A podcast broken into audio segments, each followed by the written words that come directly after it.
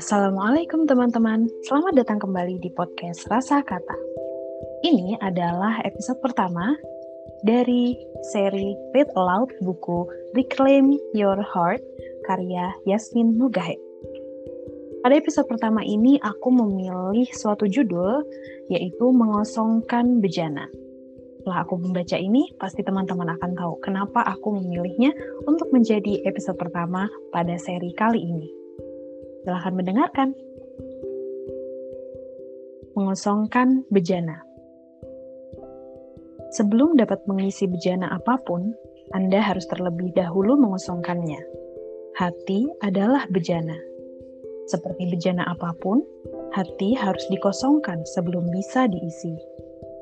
Kita tak pernah bisa berharap untuk mengisi hati dengan Tuhan selama hati tersebut dipenuhi banyak hal selainnya dengan mengosongkan hati, bukan berarti kita harus berhenti mencintai. Justru sebaliknya.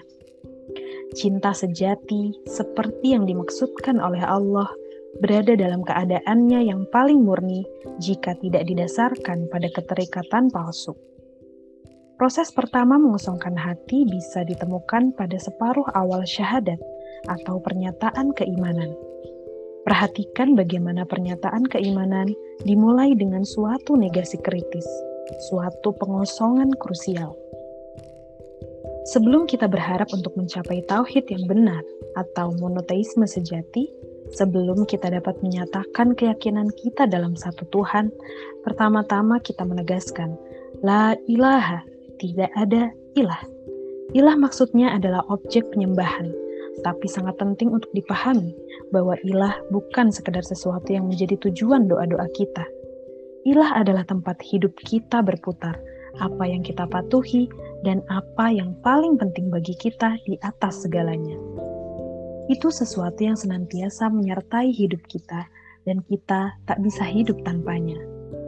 Jadi, setiap orang, entah itu ateis, agnostik, Islam, Kristen, Yahudi, mereka memiliki ilah masing-masing. Semua orang menyembah sesuatu. Bagi sebagian besar orang, objek penyembahan itu adalah sesuatu yang berasal dari kehidupan duniawi ini. Ada yang menyembah kekayaan, status, ketenaran, beberapa bahkan menyembah kecerdasan mereka sendiri, beberapa menyembah manusia lain, dan banyak, seperti yang dijelaskan Al-Quran, menyembah diri mereka sendiri keinginan, dan hawa nafsu mereka sendiri.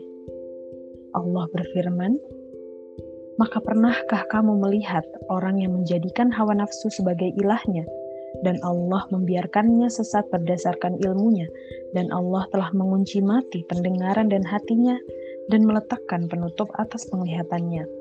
Maka siapakah yang akan memberinya petunjuk sesudah Allah? Maka mengapa kamu tidak mengambil pelajaran?" Quran Surah Al-Jathiyah, surat ke-45 ayat ke-23. Kita jadi terikat pada objek penyembahan tersebut. Namun, objek keterikatan itu bukan sekedar sesuatu yang kita cintai. Itu adalah sesuatu yang kita butuhkan dalam makna terdalam dari kata tersebut. Itu adalah sesuatu yang akan hilang, menyebabkan kehancuran total. Jika ada apa pun atau siapa pun Selain Tuhan yang tak akan sanggup kita relakan, kita memiliki keterikatan palsu. Mengapa Nabi Ibrahim alaihi salam diperintahkan untuk mengorbankan putranya sendiri? Jawabannya adalah untuk membebaskannya, untuk membebaskannya dari keterikatan palsu. Begitu ia terbebas, objek cintanya, bukan objek keterikatannya, dikembalikan lagi kepadanya. Jika kita kehilangan apa pun, atau siapa pun, dan hati kita hancur karenanya, itu berarti kita memiliki keterikatan palsu. Kita memiliki rasa takut akan kehilangan keterikatan palsu sampai batas patologis. Jika kita bahkan merasakan sesuatu itu menjauh, kita akan mati-matian mengejarnya kita mengejarnya karena kehilangan objek keterikatan itu akan menyebabkan kehancuran total, dan kadar kehancurannya berbanding lurus terhadap derajat keterikatan. Keterikatan ini dapat berupa uang, harta benda, orang lain, ide, kenikmatan fisik, obat, simbol status, karir, cinta, bagaimana orang lain melihat kita, penampilan fisik atau kecantikan, cara berpakaian, kedudukan, jabatan, kendali, atau kecerdasan dan rasionalitas kita sendiri. Tapi, sampai dapat mematahkan keterikatan palsu ini, kita tidak bisa mengosongkan bejana hati kita. Jika tidak mengosongkan bejana tersebut, kita tidak bisa benar-benar mengisinya dengan Allah. Perjuangan untuk membebaskan hati kita dari semua keterikatan palsu, perjuangan untuk mengosongkan bejana hati kita, adalah perjuangan terbesar dalam kehidupan di dunia ini. Perjuangan itulah inti dari tauhid. Dengan demikian, Anda melihat bahwa jika dicermati secara mendalam, kelima rukun Islam pada dasarnya adalah tentang pemisahan dan memungkinkan terjadinya pemisahan. Syahadat Pernyataan keimanan merupakan pengakuan verbal dari pemisahan yang ingin kita capai, bahwa satu-satunya objek penyembahan pengabdian total, cinta, rasa takut, dan pengharapan adalah Tuhan. Keberhasilan dalam membebaskan diri dari semua keterikatan tersebut, kecuali keterikatan kepada Sang Khalik, adalah pengejawantahan paling sejati dari Tauhid. Salat Sebanyak lima kali sehari, harus menarik diri dari dunia untuk fokus kepada Sang Pencipta dan tujuan utama. Lima kali sehari, kita melepaskan diri dari urusan duniawi apa pun yang sedang kita lakukan dan berpaling kepada Allah.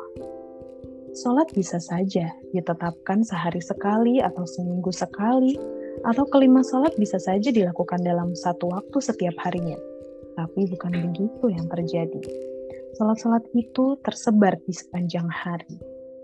Jika kita mendirikan sholat pada waktu-waktu yang ditentukan, tak ada peluang kita untuk terikat begitu kita tenggelam dalam urusan dunia apa pun, entah itu pekerjaan yang kita lakukan, acara yang kita tonton, ujian yang akan kita hadapi, orang yang tak bisa kita lupakan, kita dipaksa untuk melepaskan diri darinya dan mengalihkan fokus kita kepada satu-satunya objek keterikatan yang sejati.